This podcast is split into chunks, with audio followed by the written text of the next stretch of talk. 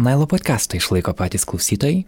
Jeigu jums patinka tai, ką girdite, prisijunkite prie bendruomenės adresu patreon.com slash nanukų multimedia. Kaip vienas žodis. Šią savaitę prisijungia Rima Jonytė, Deimantas Salačius, Erikas Mališauskas ir Simas Balčiūnas. Taip pat kviečiame skirti mums 2 procentus savo pajamų mokesčio. Mūsų viešoji įstaiga vadinasi Dokumedija. Ačiū visiems prisidedantiems. Gero klausimo. Matai, šitą. Jeigu tiki, kad atėjai iš žemės ir į žemę sugrįši ir tai yra viskas. Ir ten viskas pasibaigs. Yra vienas dalykas, jeigu tiki, kad atėjai iš šviesos ir mes grįšim į šviesą, tai yra kitas dalykas. O kaip jūs tikite? Tai aš tikiu, kad mes atėjom iš šviesos ir mes esam pakeliui atgal į šviesą ir mes turim pasirinkimą, arba grįšim ir pasibaigsim čia toj pačioj juodoj žemėje, arba eisim per visas kitas nesuprantamos mom dimensijom atgal į šviesą.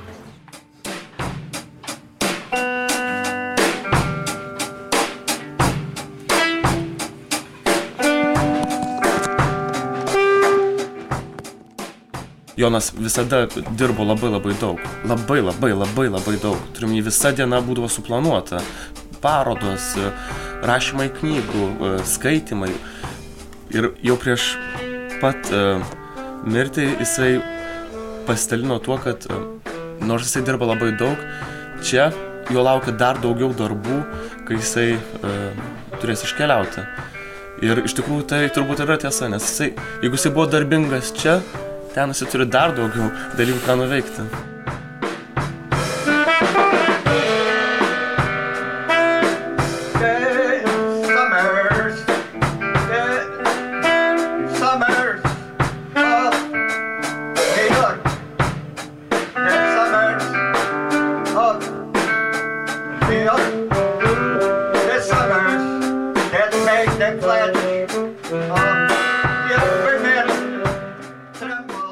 Girdite Joną Meką improvizuojantį su draugais 2009 metais. Sausio 23-ąją Meko Facebookas pranešė. Mėly draugai, šį rytą Jonas išėjo. Tyliai ir taikiai. Namuose su šeima. Jo didžiai trūks, bet jo šviesa liks. Jonui Mekui gruodį sukako 96 metai. Reakcijos atėjo iš karto. Meko bičiulė, dainininkė ir dainų autorė Patty Smith Instagram rašė. Jonas buvo ypatinga dovana tiek kino kūrybai, tiek jos išsaugojimui. Sudė draugė, laidangaus pašonėje tavęs laukia Boleks kamera. Režisierius Čimas Čarmušas Twitter'yje pridėjo. Mes praradome vieną labiausiai įkvepiančių menininkų, kokį kada nors sutikau. Jis kaip kung fu meistras, tik poezijoje. Ilgai gyvok, Jonai.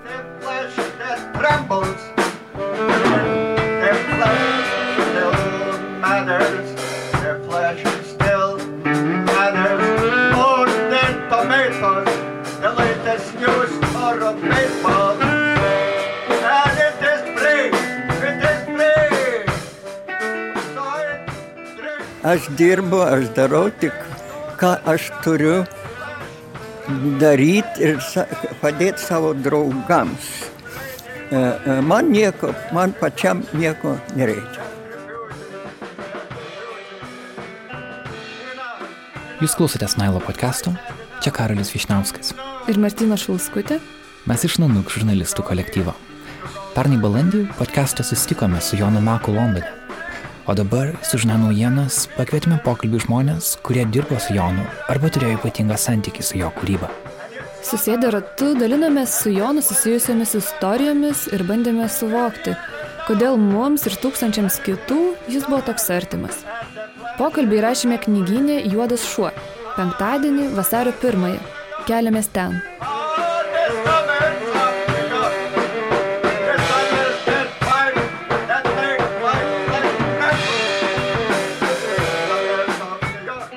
Sveiki, mano vardas yra Justė, aš esu Rupert meno centro direktorė, kuratorė, meno vadybininkė. Su Jonu aš esu pažįstama beveik dešimt metų Prieš kelis metus turėjau galimybę su juo dirbti, beveik metus laiko jo archyve New York'e. Prieš beveik metus pradėjau dirbti prie jo e, parodos, kuri pasirodė šią vasarą. Sveiki, aš esu Martina, Nanų komandos e, dalis. Prie šio pokalbio prisijungiau labiausiai turbūt dėl to, kad e, kažkaip morališkai gal palaikiau šitą pokalbį, kad jis turėtų įvykti. Pati su Meku nebuvau susitikus, mm, gal man tik tai kažkaip atmindy tokia yra detalė, kur man atrodo, kad aš jį mačiau e, kino teatre, taip įsivaizduoju, kur jisai paleidžia, kur pasileidžia jo filmas ir jisai sako, gerai, žiūrėkit, aš einu savo e, reikalų veikti tuo metu. Ir aš manau, kad tai niekada iš tikrųjų nevyko, bet kažkodėl tai tokią detalę prisimenu. E, sveiki, aš esu Andraja, dirbu Kritimų kultūros centre, esu kultūros renginių koordinatorė. Meko asmeniškai nepažįstu, bet e, jisai labai svarbus man iš tikrųjų yra dėl savo ne tik tais kūrybos, bet ir asmenybės. Esu Denisas Kolomitskis, su Jonu susipažinau prieš dešimt metų, taip pat kaip ir Justė. Per skirtingus laikotarpius visai nemažai laiko praeitum kartu, ar tai būtų New York'e, ar Berlyne, ar Paryžiuje, nes taip jau pats ir Jonas keliaudavo, o paskutinį kartą pasimatėm ketvirtadienį. Grįžau iš kremavimų, kur patyriau paskutinį potyrį kelionę su Jonu. Aš esu Tomas, auginu juodą šunį, slaptą knygyną. Ir mano santykis su Meku yra bandymas tris kartus su juo susitikti, bet nesėkmingai. Aš esu Simona, e, dirbu su įvairiais kultūriniais ir edukaciniais projektais, šiuo metu su Bitembait kūrybinių technologijų akademija su Jonu susipažinau 2012 metais, kuomet gyvenau New York'e ir dirbau jo studijoje, jo namuose Bruklinė, šaltajam Bruklinė ir šiltajam. E, tuo metu pavasaris buvo. Ir dirbau su jo archyvais, e, su korespondencija ir su audio juostom senom. Buvo labai įdomu. E, pamačiau tikrai jo kasdienį kūrybinį procesą. Gera būti su jumis visais prieš tą stalą ir iš tikrųjų labai keistas žanras, nes uh, žinom faktus, kad tai įvyko, kas įvyko, bet kartu labai sunku tai suvokti, nes atrodo, Jono gyvenimas buvo toks turiningas, kad jis tarsi vis dar tęsis ir kartu tinkamiausias gal būdas Jono asmenybėje prasminti yra tiesiog prisiminti, ką mes su jo, juo ar jo kūryba patyrėm. Ir jūs esate žmonės, kai kurie iš jūsų turės grinai asmeninės patirtis. Aš norėčiau, kad jūs pasidalintumėt kažkuria iš tų patirčių, kuri jums patiems leido geriau pažinti Joną ir galbūt klausytojams irgi leis tai padaryti. Denisai gal nori pradėti. Žinoma, pats neįtikinamiausias dalykas e, per tą pažintį tai buvo pati pažintis. Aš šokau Vilniaus centre, e, gatvėje, e, stabdžiau eismą savo judesiais, vėliau buvau pagautas policijos ir policijos pareigūnas uždokumentavo tai, kad e, stabdė eismą plasiniais judesiais, kas yra labai jokinga e, formuluotė. Bet tą pasirodymą matė e, Jonas, jisai pasakė, kad tai buvo jam um, neįtikėtinas, nes tikėjau to pamatyti Lietuvoje ir kad aš turėčiau atvykti į New Yorką. Ilgai nelaukęs, tą ir padariau. Pirmą vakarą atvykęs tenais, jisai mane nusivedė susipažinti su savo draugais. Tai buvo viena kiniečių fotografė, kurios pavardės dėja neprisimenu, sunu Sebastijonas. Mes pavakarieniavom ir tuomet um, jisai savo draugiai fotografijai pasakė, kad, na, čia yra vienas geriausių lietuvių performanso me menininkų. Ir dabar jis mums padarys performansą. Ir um, Na, tiesiog tai ir buvo tas pirmasis toksai susidūrimas, kad toks jisai ir yra. Jisai visada taip, taip ir daro. Ir vėliau tai atsikartojo daugybę kartų. Ta vakarą mes užsidėjom paltus ir tiesiog išėjus iš kavinės jisai ištraukė kamerą, tarsi duodama ženklą, kad gali pradėti. Ir aš pradėjau, pradėjau šokti. Vėlgi, taip pat kaip ir Vilniuje mašinos, mašinos stojo, pypseno, praeiviai stebėjo, jisai juokėsi, jam tai labai patiko. Tai tas jo amžinas uh, iniciacija proceso, kuri ateina tiesiog su kažkokiu ta mintis, jinai ateina, jis tiesiai pasako ir jinai iš karto vyksta. Kartu su kameros pagalba ar minties pagalba. Mane tai visą laiką stebino. tą gerąją prasme. Ar tai tau kėlė stresą tuo metu, kai tu gavai šitą užduotį iš jo, ar tau buvo smagu? Ne, tai buvo, tai buvo labai įdomu. Tai, nu, pirmoji reakcija tai žinoma buvo, ha, gerai. ir tuomet trumpas apmąstymas, bet tai ir, nu, man tai patiko, kad jisai tokią idėją sukūrė ir kad pasiūlė įgyventi iš karto. Ir vėlgi, sakau, tai um, atsikartojo vėliau daugybę kartų. Ar tai būtų Londono Serpentine Gallery, kai jis turėjo parodą, ar tai būtų per Berlinalę Einstein viešbutyje, e, Einstein restorane, ar Paryžiaus gatvėse. Kažkur tai e, tarsi akies, e, akim, retskis akimis, retskis žodžiais, kad jau galima pradėti. Galima pradėti ir šokti, ir muzika, ir viskas veikia vienu metu. Jūs tiek kažkiek rezonuoja tai, ką Denisas sako? Jo, absoliučiai taip. E, jis buvo žmogus, kuris tikrai šimtų procentų būdavo tame, ką daro tą akimirką ir jis mokėdavo labai greitai persijungti, kai jis e, švesdavo ar, ar filmuodavo, jis tikrai būdavo toje akimirkoje. Iš karto, prasme, jis galėdavo daryti kažką labai rimtą, pakilti nuo stalo, įsijungti kamerą ir vėlgi būti šimtų procentų savo kūrybiniam kelyje.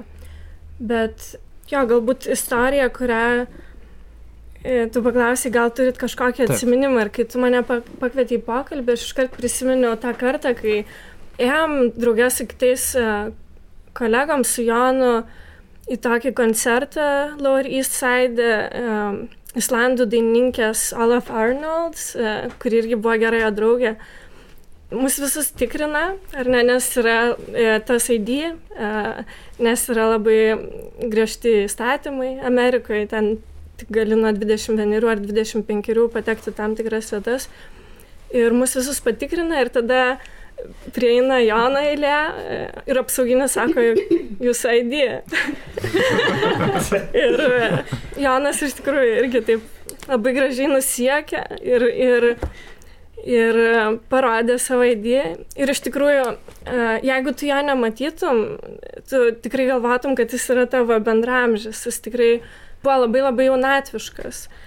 Ne vienas žmogus, kuris jį pažinojo daug metų, man atrodo, tai buvo apie Adam Sitney ar kažkas, sako, va, aš jį pažįstam nuo 40 metų, jam dabar yra 90 metų. Ir kai mūsų visų pažinčių ratai tarsi siaurėja su metais, tai jauna tik tai plečiasi. Jis save apsupdavo tais uh, jaunais žmonėmis ir tikrai gyvendavo dabartyje. Jis mėgo gyventi tame momente, kuriame jis buvo. Jis nelikdavo savo praeitie, savo atsiminimuose, jis juos turėdavo, bet uh, jisai mėgdavo būti dabartyje ir į save uh, dėtis iš aplinkos būtent uh, dalykus, kurie vyksta dabar. Tai, Galbūt būtų tai. Mm, Tomai Indraja, jūs bandėte Jonai e, nuvežti lietuvišką skilandį į New Yorką, Taip. bet jums to nepavyko padaryti. Nuo ko prasidėjo šitą, šitą, šitą iniciatyvą? Čia yra labai graži istorija iš tikrųjų. Kadangi nepažinojome jo asmeniškai, nebuvom, ne, aš nebuvau susitikusi su juo, tai aš visai ką žiūrėjau jį taip pagarbiai ir galvodavau, jeigu aš susitikčiau su Jonu, aš net nelabai žinočiau, ką jam pasakyti, nuo ko pradėti, ko paklausti ir panašiai. E, manau, kad e, daug kas, kas jo nepažinojo, jautėsi šiek tiek taip e, panašiai kaip aš. Ir mes prieš pusantrų metų su Tomu važiavom į Ameriką. Ir kažkaip, nors New Yorkas yra milžiniškas miestas, kuriame yra labai daug visokių kontekstų, vienas iš svarbiausių dalykų, kuris mums iš karto asocijuoja su to miesto rajonas Mekas, kuris ten gyvena ir, ir kuria. Ir mes labai norėjome su juo susitikti. Ir mes kažkaip galvojom, bent jau aš galvojau, kad gal žodžiais ir neišeitų kažko pasakyti taip iš karto, bet galbūt galima kažkaip kitaip. Dėl to, kad mes buvom skaitę jo dienoraščiuose, kad jisai kažkurio laiku mėgdavo šit pasivaikščioti ir pasimti dešros ir turėtų užkasti ką nors ir paskui vaišinti sutiktus draugus. Ir kažkaip pagalvojom, kad turbūt Jonas turi daug lankytojų ir turbūt jam atveža visko iš Lietuvos, neretai jo svečiai, bet kažkaip Skilandija atsivežti mums patiems atrodo labai faina idėja. Man atrodo, gan sudėtinga JAV apskritai bet kokį maisto produktą per sieną pervežti. Jo, tai dėl to ne dešra, bet skilandis yra kitokios formos ir gal per skanerį, žinai, nes netaip lengva identifikuoti. Ir iš tikrųjų praėjo tas mūsų skilandis, nors kažką iš mūsų konfiskavo toje kelionėje. Um, ir bėda buvo tame, kad mes iš karto nevažiavom į New Yorką, mes prieš tai tris savaitės dar kitose miestuose keliavom ir daug keliavom autobusu ir automobiliu ir ne visur turėjome šalituvę tuo metu. O buvo labai karštas ruduo, buvo plus 30 kažkur laipsnių visą laiką. Ir kai mes galiausiai pasiekėm New Yorką, dar negana to mes apsigyvenom tokio vegano žmogaus būte per Airbnb ir ten buvo uždrausta mėsą neštis į namus. Ir laikyti ją. Nu. Taip, Tai mes tiesiog laikėm paslėpę šalito kampelį, taip sandariai su pakalbė. Susukėte, nu, labai sklistų kvapas. Um, tačiau tą dieną, kai jau išaušus susitikimo diena, iš tikrųjų Mekas tuo metu negalėjo su mumis susitikti, jisai buvo užsiemęs, kiek atsimenu, savo uh, filmų antologijos dar kažkokią papildomą priestatą statybą ar kažkokiais planais, jis norėjo ten liktis daryti kavinę ar papildomai rezidencijas ir sakė, kad labai užsiemęs. Tačiau mes susitikome su pasidirbančiu draugu, tarpininku irgi Jonu Lazaraičiu. Ir mes tą rytą, kai jau ėjom pas jį susitikti, pamatėm, kad mūsų skilandis jau toksai uh, apsamanojęs. Ir mes, žinoma, jo nepasėmėm, bet kai papasakojom šitą istoriją Jonui Lazaraičiui, tai sakė, kad Mekui labai patiktų sužinoti ir kad būtinai perdas. Tai labai faina pajausti, kad tas žmogus, į kurį tu žiūri taip pagarbiai, kad net nesitikras, kaip pradėti pokalbį, išgirdęs tokią jokingą istoriją apie Skilandį ir sužinojęs, kad mes net nesugebėjome jo išsaugot, um, kad juoksis. Tai labai Šiaip... iliustruoja tokį paprastumą jo, kurį labai dažnai jaučiu. Šiaip apmaudžiausia, kad iš tikrųjų tas kelandis buvo geras. Ir praktiškai žmonės sakė tiesiog, tai šiek tiek tam pavalai ir jis puikiai toliau funkcionuoja. Nenorėjau. Tiesiog rizikuoti. turi tokią savybę ten apsamanot, kaip yra. Tai realiai mes galėjom iki nu, tą finišo tiesiai pasiekti. Jūs buvot labai arti. Pavyko. Martin. O ar kada nors e, dar paklausėt e, Jono, kaip e, Jono Lazaraičio, kaip Jonas Mekas tą istoriją priėmė, ar iš tikrųjų nukeliavo jinai tas skilandis istorijos forma pasiėmė. Mes Jono neklausėm. Lygiai kažkaip aš susidariau įspūdį, kad jis perdavė, kai paskui buvom susitikę, bet nesu tikra. Galbūt net nesvarbu. Šiaip su maisto tematika man buvo knyginė viena istorija, kai atėjo moteris, uh, užsisakius knygas buvo bulvių valgiai ir lietuviški valgiai. Ir ne, nu, ateina ir dažniausiai, kai užsisako tas knygas, uh, sovietmečių leistas, tu įsivaizduoji stereotipiškai kažkokią moterį, kuri vat, nori šeimininkauti ir tos receptus eis nu, remtis. Ir mes laukiam tos moters ir ateina tokia graži, simpatiška moteris, sako, labai diena, čia aš pat atėjau ten tų receptų, nu, galvom receptai, sako, čia tokiam menininkui į New Yorką vešim. Ir mes sakom, o, gal net nesakom, sakom, tokiam Jonui Mekui. Ir mums įsižiojo žantikulį, nes mes kaip tik pasidalinę ten prieš keltą dienų Dance Fred Astaire citata apie knygynų susijusius dalykus ir Jono Meko kūrybą ir sako, o velnis, čia vienas didžiausių mūsų inspiratorių, jūs dabar ateinat pas mus ir sako, o tai kaip gerai, reikia nuotrauką padaryti, nusiųsim Jonui, o mes kaip tik e, tuo metu kraustėmės ir buvo absoliutus chaosas, visur viskas išmėtyta ir mes sakom, neturim kur nu, sako, vis tiek einam į tą knygyną, kur pilna dėžių, pilna betvarkės. Ir sako, o čia visai kaip pas Joną, jam čia nais patiktų ir mes po truputį atsileidžiam, nu, tą nuotrauką padarėm, davėm tas knygas ir, ir, ir dar tuo pačiu turėjau Jono Meko, tiksliau brolių Meko, Adolfo ir Jono knygą Trys broliai, kuri leista DP laikais Vokietijoje. Tai dar ją dedikuojant, padovanojam, tai va dar tokiu būdu Skilandis nenukeliavo, tai ta knyga, kurią Jonas kažkada parašė, sugrįžo iš Lietuvos atgal per kažkokius kelius jų. Simona, ar tu irgi turi istoriją susijusią su maistu? Taip, iš tikrųjų turiu. tu neprivalai sakyti maisto istoriją, tu gali rinktis kitą istoriją. Ne, bet tikrai turi istoriją, kadangi, kaip sakiau, aš tokią mačiau jo uh, rutiną, kasdienę rutiną, nes kiekvieną dieną irgi ateidavau ne, dirbti su jo archyvais, tarptų uh, daugybės knygų, aplankų, kurie atrodo kaip ir betvarkiai, bet iš tikrųjų yra labai švari tvarka, nes Jonas bet kada gali atrasti uh, 70-ųjų laišką tarp savo daugybės lentynų ir Iš tikrųjų, pirmą kartą, kai vat, e, atėjau pas jį dirbti, prieisiu ir prie maisto temos.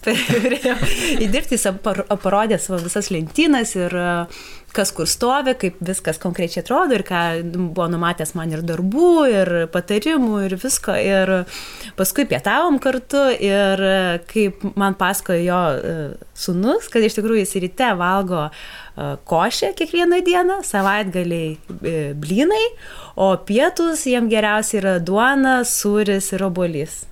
Tai yra visiškai ir geria, žinoma, ten kavą ryte ar dar arbatą, mėgsta mineralinį vandenį, vytautą, lietuvišką, kuris kažkaip gauna stikliniuose buteliuose. Viskas labai e, tvarkinga, e, švaru, aišku, konceptualu. Jo maistas labai konceptualus, paprastas iš tikrųjų. Tam, kad matyt neužtruktų laiko. Žinot, sako, labai, kai žinai, ką valgysi, ne, negaili, ja. nereikia gaišti laiko. Lieka daugiau laiko archyvams. Būtent. Su archyvais ką būtent tu darai, nes Jono archyvai yra, įsivaizduoju, kad yra milžiniški. Taip, jie yra milžiniški ir ką aš dariau, tai pirmiausia gavau dėžę e, juostų, audio juostų ir e, pagal išmokė mane dirbti su tuo senu aparatu ir aš klausydavausi to juosto kartu su Jonu ir reikėdavo užrašyti ir paskui suarchivuoti, kas tose juostose yra, koks jų turinys. Tai buvo įvairių pokalbiai ir veiksmai, gatvės, garsai įvairūs ir su įvairiausiam, jo, nuo Warholo, Andy Warholo iki šiaip draugų kurie mhm. tuo metu tiesiog matyt įrašinėjo ir tokį kaip podcastą mini. tiesiog literatūrinį ir meniška. Tai koks va, laikas, koks laikotarpis? Įvairus laiko. Tai buvo irgi nuo 70-ųjų iki 2000-ųjų įvairius labai buvo tikrai. Ir, ir galiausiai. Bet daugiausiai buvo seni įrašai. Ir galiausiai ta medžiaga turėjo atsirasti Anthology Film Archives. Galbūt tiem žmonėms, kurie nėra buvę New York'e, to, toje vietoje gal verta pasakyti, kokia tai vieta yra, Denisai, galbūt tu gali pristatyti filmų archyvą, nes yra tarsi kino centras, bet taip pat ir um, kino savotiškas muziejus. Galbūt čia e, reiktų dar šiek tiek ir konteksto įvesti, kad tuo metu, kai Jonas atvyko į Ameriką, žinoma, dirbo, čia jeigu klausytojams uh, tiesiog, kad susipažinti, dirbo fabrike kartu su broliu ir nusprendė nusipirkti kamerą, Boleksą. Ir jisai pradėjo filmuoti. Ir stiprėdamas filmuoti, susikūrė visą bendruomenę jaunų kuriejų, jaunų, nebūtinai jaunų, tuo, tuo, tuo metu kuriejų, kurie vėliau įsteigė Uh, Filmmakers uh, kuris yra iki šiol ir MM Sera jau daugybę metų jam vadovauja. Taip pat tuo metu jisai savo namuose kaupė skirtingus archyvus ir viskas, kas, kas buvo susijęs su kinu. Taip pat ir savo draugų filmus. Tam archyvui vis didėjant, jisai nusprendė, kad reikia sukurti spec, specialią vietą, kur galėtų skirtingi menininkai pristatyti savo darbus, kur būtų dalykai kaupiami. Ir um, jie pradėjo kurti Manhattanė uh, antologijos filmų archyvą. Tame antologijos filmų archyve uh, tuo metu buvo tam tikra mažytė lietuvių mafija. tai, uh, nes ten tiesiog daugybė lietuvių dirbdavo, ar tai uh, Audrius Naujakaitis, Dalius Naujakaitis, Arūnas Kulikauskas, uh, Eugenijus Varkalis. Uh, uh, Vėliau per skirtingus laikotarpius daugybė lietuvių tenais važiuodavo stažuotis arba atlikti tam tikras praktikas.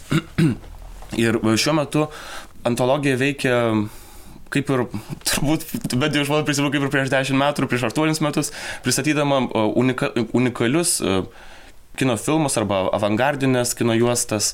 Dabar taip pat bus įsteigta, įsteigtas atskiras aukštas, atskira patalpa, pačiame viršų antologijai skirta tik tais Jono Meko kūrybai.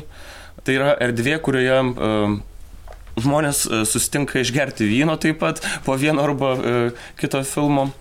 Turbūt jeigu keliauji į New Yorką, tai tokia viena tų vietų, kurią turėtum aplankyti. Be abejonės. Kas labai įdomu, tai irgi uh, vis, tas rajonas, Lower East Side, jis labai labai daug keitėsi.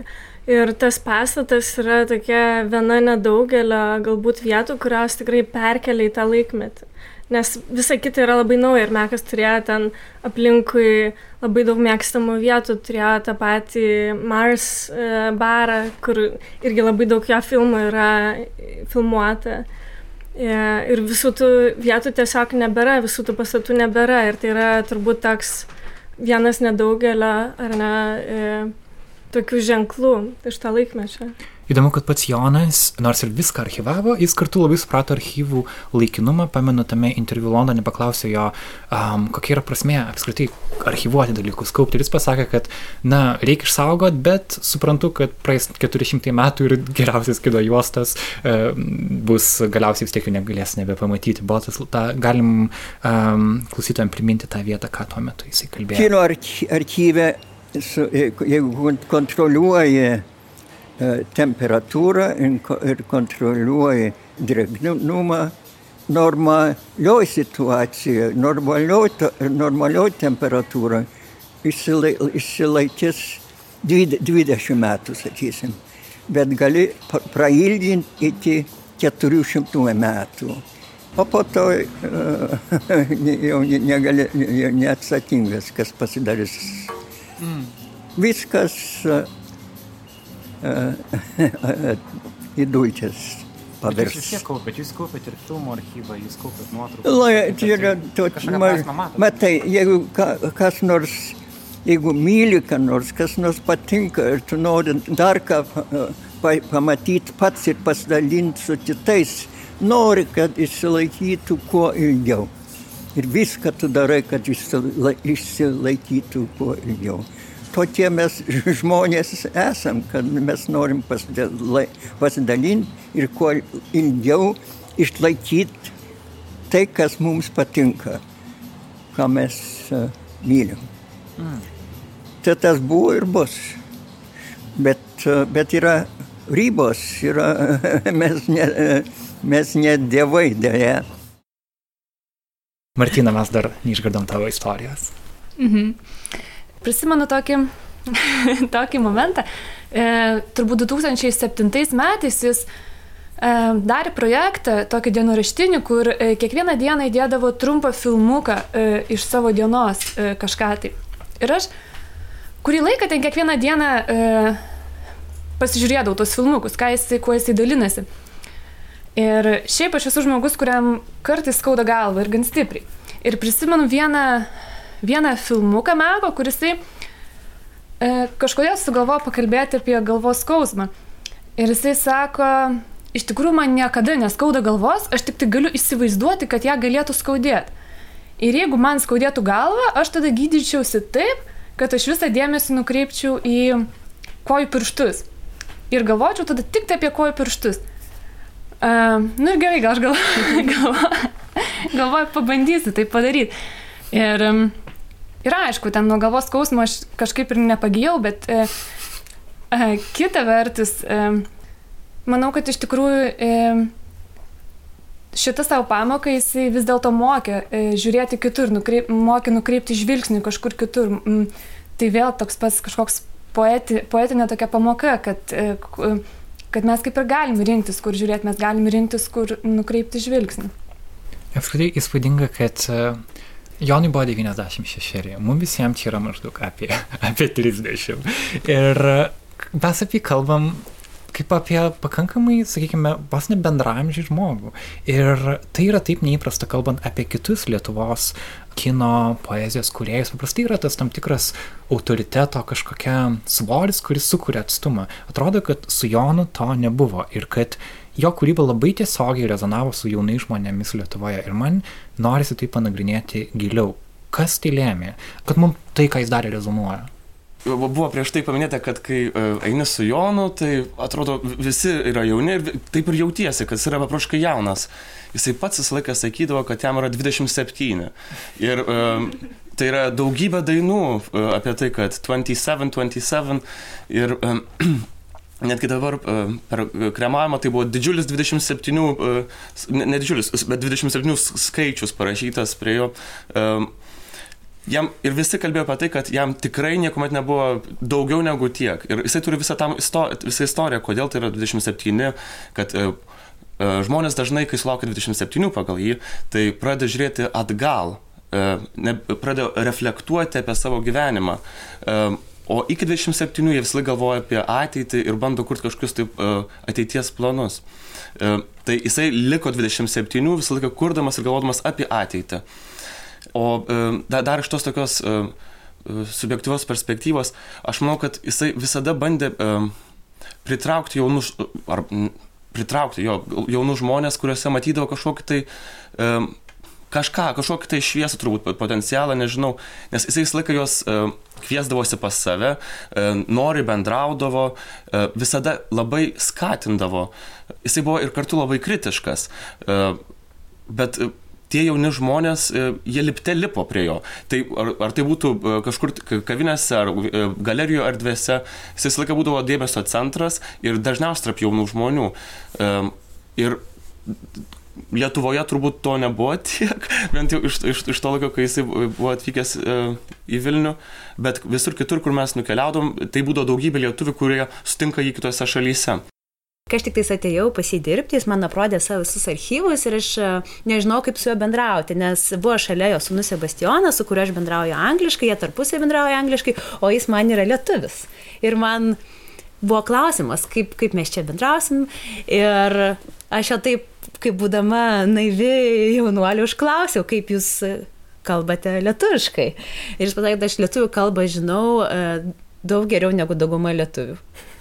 Ir tie žodžiai buvo kaip strėlė. Visiškai e, švarus, tikslus ir daugiau nebeuždavinėjau tokių klausimų. Tiesiog e, tai jis gal buvo konkretus ir e, šikštus šitą prasme žodžių, jie buvo labai švarinti, bet jis labai buvo dosnus savo veiksmais, nes e, jis visur įtraukdavo mane į savo visas veiklas. Tai reiškia, kad e, buvom, jis gavo apdovanojimą nuo Prancūzijos valstybės ir tuomet mes vykom į prancūzų uh, ambasadą atsimti to apdovanojimo ir tuomet aš irgi buvau tame jo, jo komandoje ir paskui kitą vakarą mes einam į jaunų e, kino kuriejų atrankos procesą, kur susirinkę visiškai mėgėjai kuriejai ir jis yra vienas iš tų stebėtojų ir, ir visiškai jautėsi vienodai svarbiai jautiesi kartu su juo, tie renginiai yra jam vienodai svarbus ir tu jautiesi eidamas kartu ir visur dalyvaudamas vienodai svarbus. Tai va ta jo, jo dovanas, e, kurias gavau jau pačioje savo darbo pabaigoje ir tai, kad e, gali dalintis jo pasauliu ir tas mane gal labiausiai ir traukia. Tai esi jo pasaulio dalis.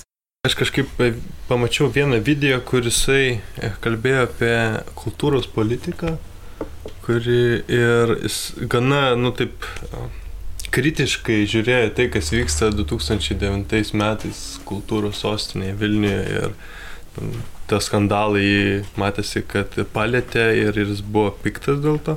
Bet ir tas ženkliukas buvo toks ambasadorius, kuris siuntinėjo visiems. Ir jis jį turėjo ant savo švarko ir sako, aš jį nu, nusijimsiu, daugmaž, kad man nepatinka visa šita kultūros politika, kuri dabar yra vystoma. Ir paskui jis jau nusėmęs sako, bet ne, sako, yra jaunimas, kuriuos aš e, palaikau, e, su kuriais aš esu kartu ir, ir tai parodė ir pagarbą tiem jauniems žmonėms ir kažkoks paskatinimas, padrasinimas ir va, tokiu būdu jis, nu, aš jo tiesiogiai nemačiau, bet atrodo jis visą jaučiau, kad jo, mane irgi palaiko ir aš žinai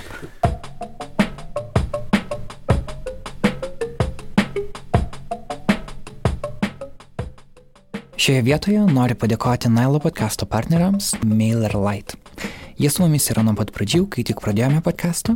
Su MailerLite ir jūsų palaikymu per Patreon mes galime daryti tai, ką darome, kiekvieną savaitę. Bet kasgi yra MailerLite? Ši kompanija įsikūrusi čia pat Vilniuje siūlo naujienlaiškių kūrimo platformą.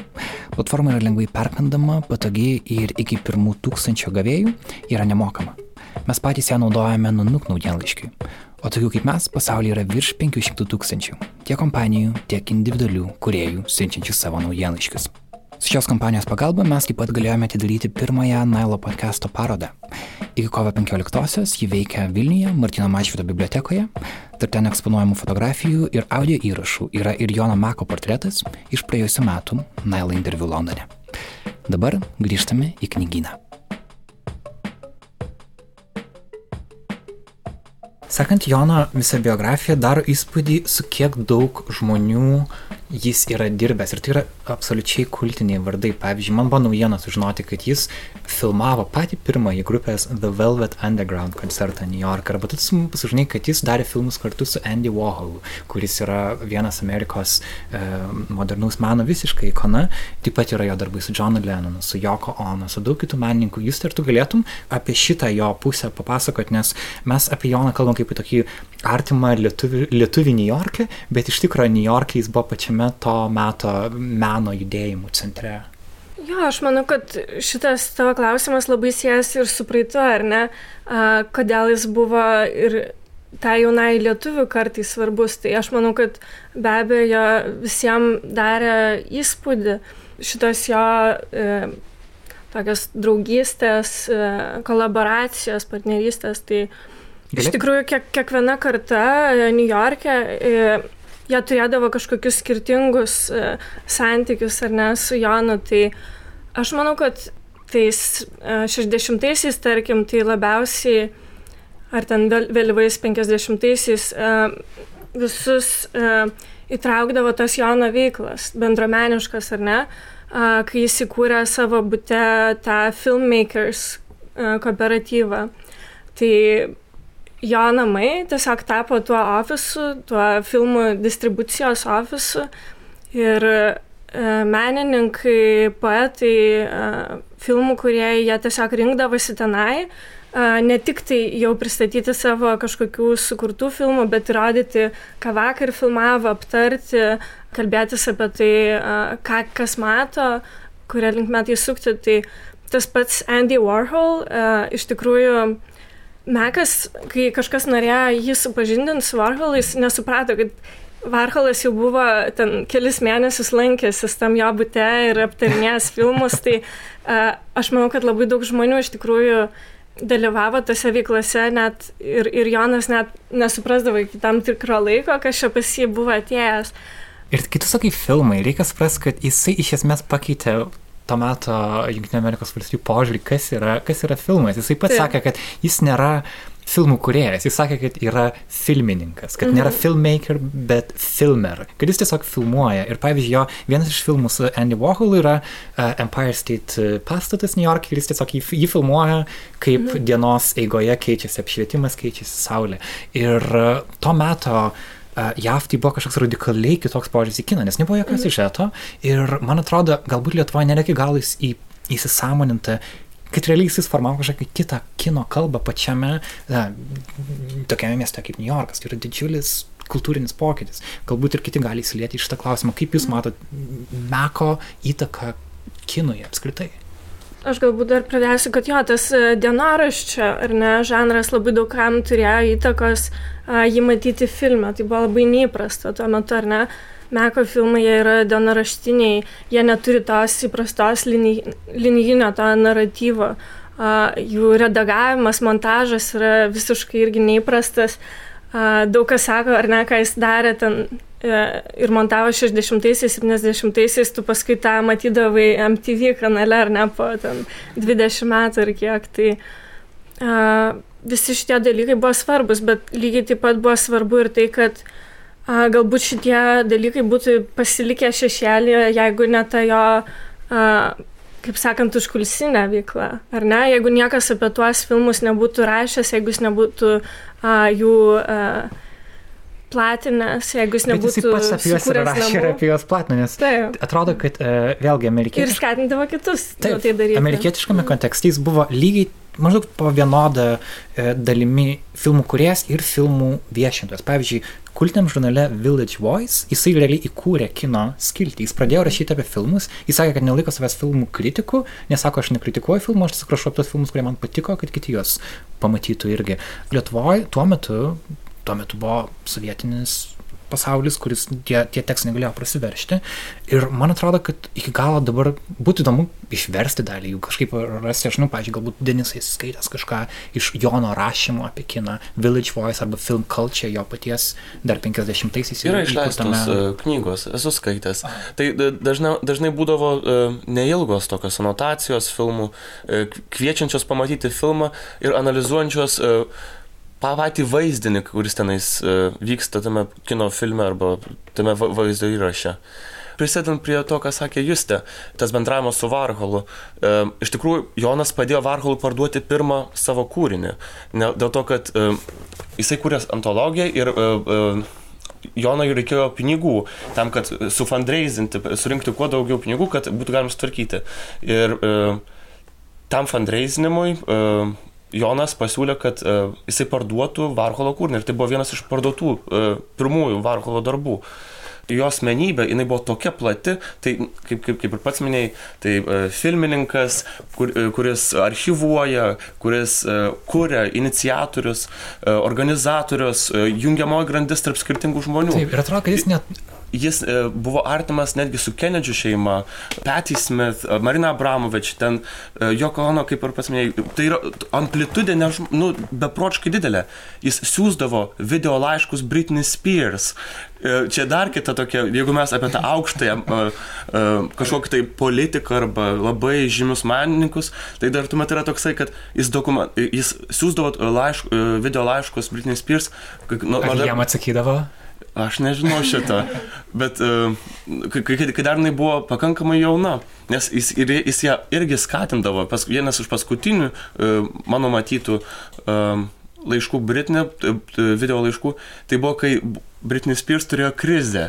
Uh, kurią galbūt žinote, nežinau, kiek domitės Britney Spears. Kiek, kiek jinai suskota galvą? Taip, ir jisai ją, jis, jis, jisai ją uh, tiesiog kaip bandė palaikyti, sakydamas, kad viskas yra gerai kad e, dėl nieko nereikia jauntis ir panašiai, to tiksliai tik, tik, tik neprisimenu. Aš kažkaip irgi norėjau pritart, kad jisai dar buvo labai toks kaip dalyvis visur, kur ir kai e, žiūrėjau vieną eksperimentinį filmą, kuriame tiesiog apie muziką kalbėjo, Fred Frith keliavo turą po Japoniją ir Ameriką ir užsuko Amerikoje būdami kažkokį matyt loftą repetuoti ir visam filmui yra realiai daugiausia muzikantų įvairios ištraukos ir vienoje vietoje kažkodėl pačiai pradžiai filmo yra atsiranda Jonas Mekas, kuris papasako istoriją apie drugelio efektą.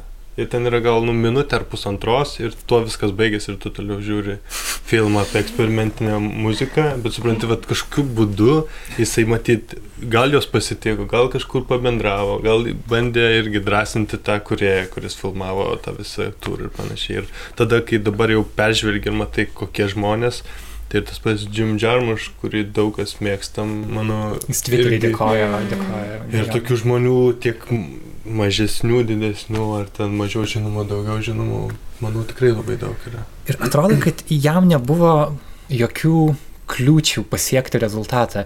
Vėlgi labai įsimintina istorija iš 50-ųjų, kada jisai, e, matydamas tuometinę JAV kino spaudą, pamatė, kad niekas nerašo apie tą, tą ką mes vadiname avangardiniu kinu, nors jis irgi nemėgo tą terminą, kiek žinau, avangardinis kinas. Ir jis įkūrė savo uh, žurnalą Film Culture ir kad jį išspausdintų, nuėjo pas vienuolius, kurie turėjo spaustuvę, jiem iš esmės primelavo, kad, um, kad čia viskas pelningas verslo projektas ir, ir galiausiai jis liko jiems skolingas, jis pateko į teismą, kiek žinau, bet tas žurnalas pasirodė, jisai ėjo kažkaip nere, nereguliariai, bet jis buvo ir atrodo, kad jeigu jam to reikėjo, jisai tai padarė. E, čia yra faktai, kuriuos aš žinau iš tekstų, kuriuos skaičiau. Jūs galbūt kažka, kažkiek iš asmenės pusės tą prisiminat Jono kažkokį ryštą tiesiog padaryti dalyką, kurį jis nori padaryti. Jo, galbūt paskutinis projektas, e, e, kuris buvo tas būtent antologijos e, filmų archyvų pratesimas, jisai tiesiog matė, kad reikia tą pastatą atnaujinti, įkurti biblioteką, kad galėtų žmonės, norintys įsigilinti, ne, kad jie galėtų kažkur ateiti ir jam būtų prieinami tie dokumentai. Visą tai kainavo, atrodo, ir 20 milijonų dolerių ir tikrai ne vienam tai atrodė kaip tikrai neįtikėtina suma, nes Amerikoje tu iš valstybės negali gauti, ar ne, tokios paramos, tu turi viską privačiai surinkti. Tai surinkti tokią sumą, kai tau yra ten 95 metai. ja. A, tikrai ne vienas iš mūsų, ta prasme, kad ir buvom tiek, tiek kartų matę, ar ne, kaip jis sugebėjo tą antologijos pastatą išpirkti, tą žurnalą pradėti, tikrai atrodė, nu, neįtikėtina ambicija. A, bet jis lietai, pamažu, ėjo link tikslo ir iš tikrųjų sugebėjo tai padaryti. Tai jis labai apskaičiuodavo iš tikrųjų, ką jis, ką jis gali ir negali. Tai tai nebuvo kažkaip aklais, visada tikrai pasverdavo ir žinodavo, kur jis gali kreiptis, kaip jis tai gali padaryti. Tai aš sakyčiau, kad jis buvo realistas, jis turėjo didelius tikslus, bet jis niekada irgi negalėdavo, nežadėdavo to, ko nepadarys. Bet man atrodo, kad jis dar buvo proceso žmogus, o ne rezultato kaip tokio. Bet lapčio mėnesį buvau New York'e ir buvo vieno iš New York Times e, žurnalisto pokalbis su juo. Ir jis ten kalbėjo apie tai, kad e, ten iš esmės buvo tema, mirties tema. Ir apie tai, kad jis yra jau vyresnis žmogus ir kaip čia jis žiūri mirti, požiūris ar panašiai. Ir sako, kad va, čia jis turi ambicingą tą tikslą. Jis sako, man patinka tai daryti, nes aš matau prasme tai daryti. Man atrodo, kad jo meilė draugams ir noras uh, rodyti jo, me, jų meną, tai buvo jo tikslas, bet, sako, nu, man nesvarbu rezultatas, jis bus koks bus. Bet tas procesas, aš manau, čia yra tokio, manau, kad archivistika kažkuria prasme irgi yra labai stipriai orientuotas į procesą. Nu, kad tu nuolat kaupi ir jo visi tie archyvai yra irgi to dalis, manau. Ir jo draugų įtaka įsiplėtė ne tik tarp mano žmonių, bet taip pat ir politikos žmonių. Ir labai yra įdomus ryšys tarp, um, gal pradės nuo to, kad uh, kaip visi pradėjo dalintis uh, kažkokią savo istorijomis susijomis su Jonu, susijusiamis uh, nuotraukomis su juo, uh, buvo fotografas Andrew Mikšys, kuris pasidalino tokią žavę nuotrauką, kur um, Jonas ir Vytautas Landsbergis kartu tiesiog kalė vyno taurę, ten kažkokiam jų vakarėlėje. Ir iš tikrųjų jie buvo, jie buvo geri draugai. Ir tai nėra tiesiog šiaip draugystė. Tai yra, jeigu mes pažiūrėjom Lietuvos istoriją, Lietuvos sąjūdžio judėjimą, Lietuvos išsivadavimą iš Sovietų sąjungos, Jono idėjos ir tas toks požiūris, kad mes galim padaryti, nors esam gal um, sakykime, atrodo tarsi silpnesnėje pozicijoje, tas kažkaip persidavė į politinius pokyčius. Um, Tomai, tu esi to domėjęsis labiau, ar negali išplėsti šiek tiek? Tai ta istorija yra susijusi su vienu filmu, kuriam realiai iš tikrųjų kalbama apie Landsbergio asmenybė, filmas vadinasi Laisvės džiazas. Ir yra dalis, kuris skirta yra Fluxus ir e, Jurgio Mačiūno įtaka arba toks draugystė su Vytautu Landsberg. Nes sovietiniais laikais jie susirašinėjo ir Jurgis siuntinėjo matyti visokius flaksus dalykus ir tokiu band, būdu bandydamas inkorporuoti į tautą Landsbergį Lietuvoje to užsimti, o Landsbergis Čiurlionį. Tai va tokie buvo jų interesų laukai ir jie buvo be kita ko dar e, klasės draugai. Tai tokia labai didelė draugystė. Čia yra apie Mačiūną kalba. Jo, jo, čia yra. Tai va, tai tokiu būdu vyko jų draugystė, o Jonas Mekas visą laiką buvo šalia Jurgio ir, ir visą tą istoriją žinojo ir buvo tiesiog klausimas apie sąjūdį, apie visą šitą atgimimą ir, ir Jonas tiesiog e, taip ilgai kalbėdamas e, tiesiog pasakė, kad kadangi buvo tokia draugystė, vyko sąjūdis, Landsbergis jam kaip ir atstovavo, buvo svarbi persona ir kad kažkokiu būdu Jurgis arba pats e, Vytautas Landsbergis įgyjo kažkokią dzen būseną, tą humorą, kuris buvo artimas ir flaksus judėjimui. Ir tokiu būdu tik galėjo atsilaikyti prieš tą visą sunkumą, kuris vyko atgaunant nepriklausomybę, kad e, kitokiu būdu turbūt būtų gerokai sunkiau, neturint tų vat, kažkokių e, pasklidusių savybių, kurios... Kad sąjūdžio judėjimas buvo tam tikra meno forma, gal irgi. nu, jisai jo inspiravo tą, bet dar ką noriu pasakyti, kad e, Jonas visą laiką turėjo tą politinį kažkokį santyki galbūt su Lietuva susijusiu su to, kad e, jis laiką jautė labai skaudų netekimą, kad va, dėl tų santvarkų, dėl tų karų jisai yra va, toj vietoj, kai žmogus be vietos ir apie tai jis daug rašė ir jis filmavo realiai ilgą laiką visą lietuvių išeivijos gyvenimą, jį dokumentavo ir ten yra daug kadrų iš filmo Lost Lost Lost, kur yra filmuojama kaip politikai, kurie buvo Lietuvoje, dabar Amerikoje ir diskutuoja, kaip išlaisvinti Lietuvą ir panašiai. Visos tos eisenos, kuriuose yra kalbama apie tai, viskas yra užfiksuota ir jam tai labai rūpėjo. Ir tik savęs nu, niekada nelaikė politiškų buvo poetas, kuris kažkurio metu turėjo fiksuoti kaip metraštininkas visus tos įvykius. Ir kažkaip jisai savo e, interviu su Donskiu taip visai gražiai papasakoja e, tą momentą, kai jisai nuvažiuoja į New Yorką ir pirmą kartą ir sako, aš tada jaučiausi kaip e, sudužęs į labai daugybę šūkių, kad nebuvau vientisas ir New Yorkas kaip miestas man padėjo vėl kažkaip ta energija miesto ir jėga padėjo vėl rasti tą gyvenimo kažkokį džiaugsmą ir prasme. Ir kažkaip man irgi dabar skaitant tuos e, prisiminimus žmonių, mm, atrodo, kad jis tarsi gal e, anksčiau išgyveno tą mm, kažkokį išsivadavimą iš e, sovietmečio, iš karo, e, iš karo patirčių ir tada galėjo būti va, tas kažkoks e, moralinis gal vedlys iš dalies, nes ir tai ir Vytautas vėl Landsbergis, Stonys, e, Matelis, jie dalinasi tuo, įspūdžių, kaip jie 89-ais e, nuvažiuoja pas Mek ir jis jam atveria visai naują pasaulį, tą, kurį jisai pats atrado ten turbūt mm, 30 metų anksčiau. Tai gal tiesiog va, tas buvimas šiek tiek, e, šiek tiek prieki, tas išėjimas iš viso to mūsų pasaulio, kuriam dalis mūsų tėvų užaugo, jis iš to išėjo anksčiau ir tada atsidūrė šiek tiek, šiek tiek priekį viso to. Tarsi jis buvo kažkoks laisvo žmogaus pavyzdys e, tiem žmonėm, kurie negalėjo, kurie, kurie buvo likę Lietuvoje tuo metu.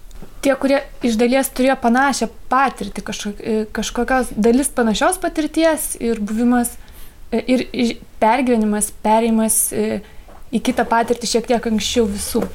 Bet man atrodo, jis buvo laisvas ir jautė, nu, nežinau, ar tai atsakomybė galima pavadinti, bet jis žinojo, kas dedasi Lietuvoje. Ir kai jis filmavo tą sausio 13 ir visą tą, kas buvo per televizorių rodo Amerikoje, jis viską fiksavo, kai Lietuva jau tampa laisva ir ten tai dokumentavo ir ten penkių valandų yra trukmės. Ir filmas Lithuania and the Collapse of the Soviet mhm. Union. Jis yra šiaip Vimeo nuorodą galima visą žiūrėti, nors ir dabar.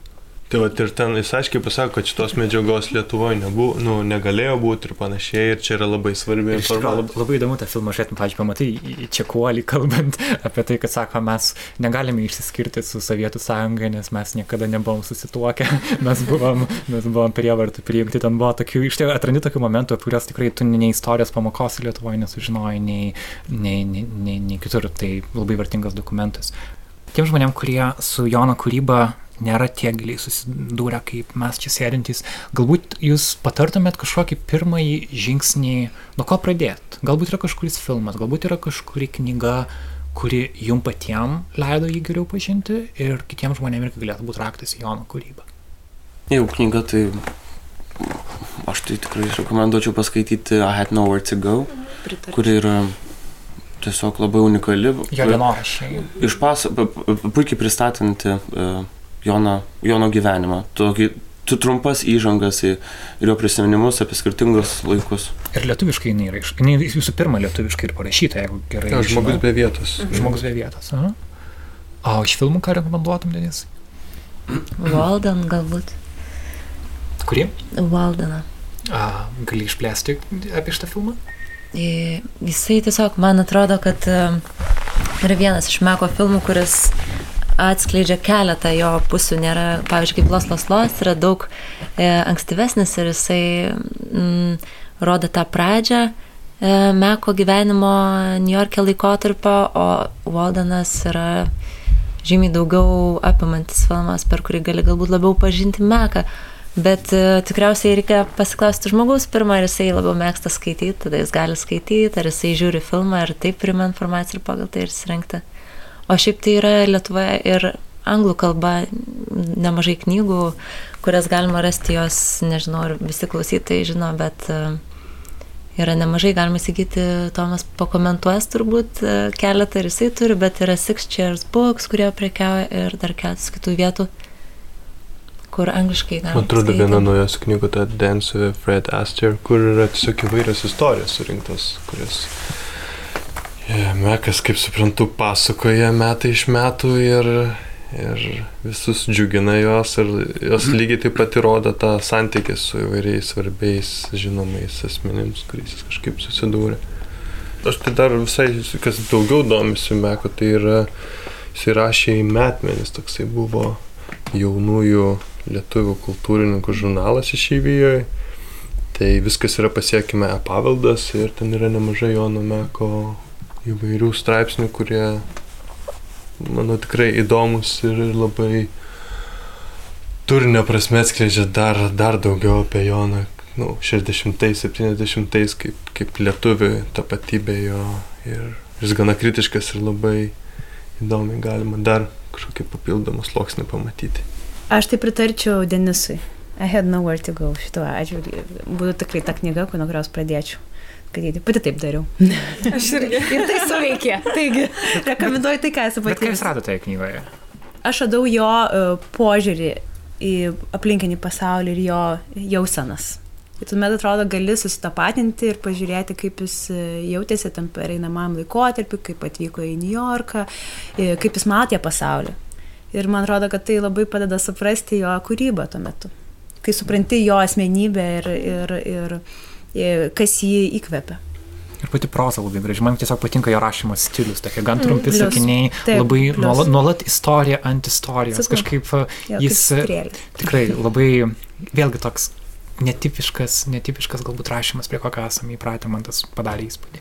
O iš, fil, iš filmų gal rekomendacijų turite? Aš lygiai taip pat sakyčiau pradėti nuo Walden, jeigu tu nori pamatyti jo a, New Yorko gyvenimą ar ne New Yorko dalį, jeigu tu nori pas, pasižiūrėti jo ryšius su Lietuva, tu gali a, stebėti Reminiscences from a Journey to Lithuania. Arba, arba taip pat dar, aišku, rekomenduočiau pradėjus nuo šitų filmų tada pereiti prie tų, kuriuos jis kūrė pastarąjį dešimtmetį, ar ne? Galima žiūrėti Sleepless Night Stories, Life of a Happy Man ir tada irgi žiūrėti, kaip keičiasi ta jo kūryba, ar ne? Kaip jis priima irgi a, naujus formatus, ar ne? Perina nuo juostas į digital ir A, Ir šiaip, iš tikrųjų, man tai e, dar labai svarbus yra tas jo 2007 projektas, kuris filmavo ir kasdien įdėdavo po naują e, filmą į, į savo YouTube paskirą, į savo puslapį. Ir dėl to daug kas jį net vadina pirmoju internetiniu, vienu pirmųjų tokių interneto menininkų, kas tikrai tam 80 kelių metų žmogui tuo metu yra toks neįprastas galbūt epitetas, bet per tai tikrai gali suprasti ir jo asmenybę ir kūrybą. Jo, ir tokį atvirumą Mm. turbūt apskritai tech, technologijom. Aš atsimenu interviu jo paklausiau, kai, kaip jis vertina tai, kad kaip jis viską filmuodavo Mm. pats pirmas, dabar filmuoja visi, mes visi turim filmuojantis telefonus. Ir aš kodėl maniau, kad jis bus kritiškas tam. Ir jis sako, ne, taigi labai gerai, sako, įsivaizduok, jeigu turėtum vieną, e, tarkim, visa šalis turėtų vieną tušinuką ir tik vienas žmogus galėtų rašyti. Būtų negerai, o jeigu visi turėtų po tušinuką, jau geriau. Tai lygiai taip yra su kamerom. Buvo tikrai um, labai toks, toks požiūris, kurio tu nesitik ir tada tu pats pradedi kvestionuoti savo įsitikinimus, kaip neva vyresnis žmogus turėtų galvoti. Ir toks buvo geras pasitikrinimas asmeninis. Reikia neužmiršti, kad jis poetas buvo ir rašė daug eilėraščių ir yra daugybė knygų išleista tiek, tiek lietuvių, tiek užsienio kalbom. Ir jis muzikantas dar.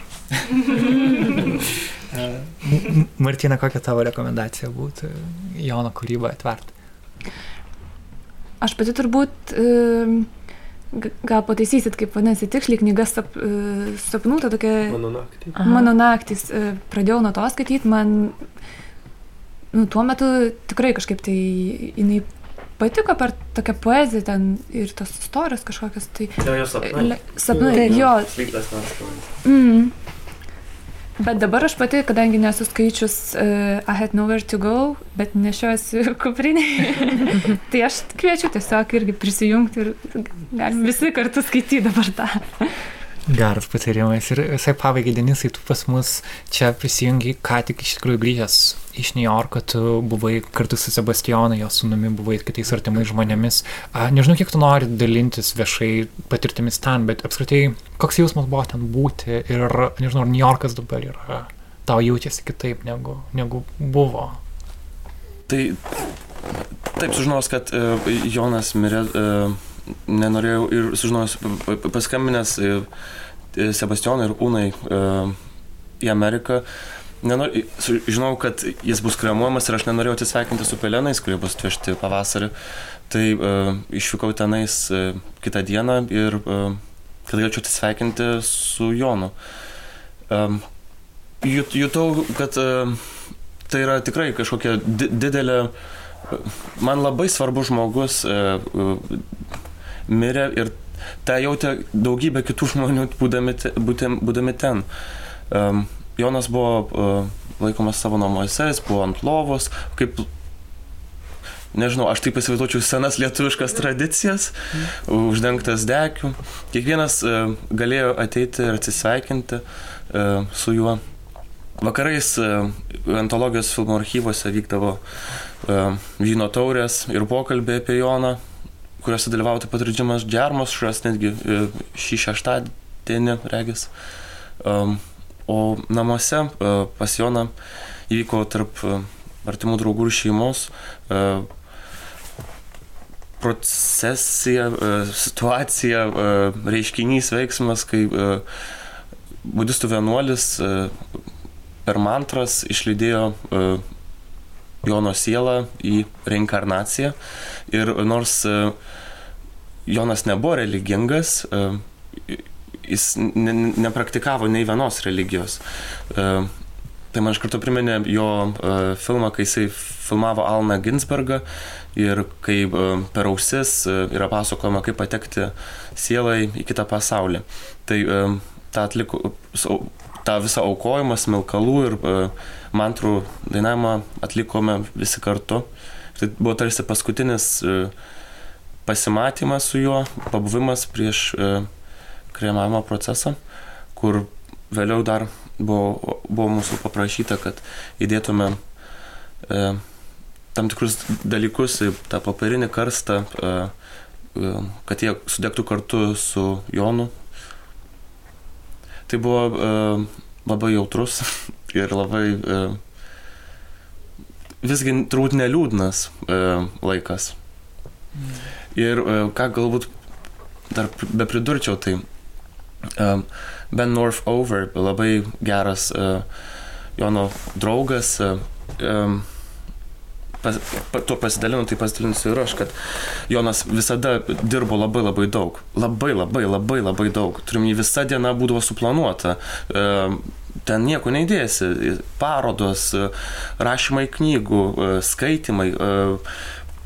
Turim name it, labai daug. Ir jau prieš pat uh, mirtį jisai uh, pasidalino tuo, kad uh, nors jisai dirba labai daug, čia jo laukia dar daugiau darbų, kai jisai turės iškeliauti. Ir iš tikrųjų tai turbūt yra tiesa, nes jisai, jeigu jisai buvo darbingas čia, ten jisai turi dar daugiau dalykų, ką nuveikti. ačiū labai, kad to pasidalinai. Ir ačiū visiems, kad susirinkom čia. Ačiū knygynų Juodas šuo, kad mums sutikė šitą erdvę. Ir einam skaityti I had no way to go. Ačiū. Orden tomatoes, the latest news are on PayPal.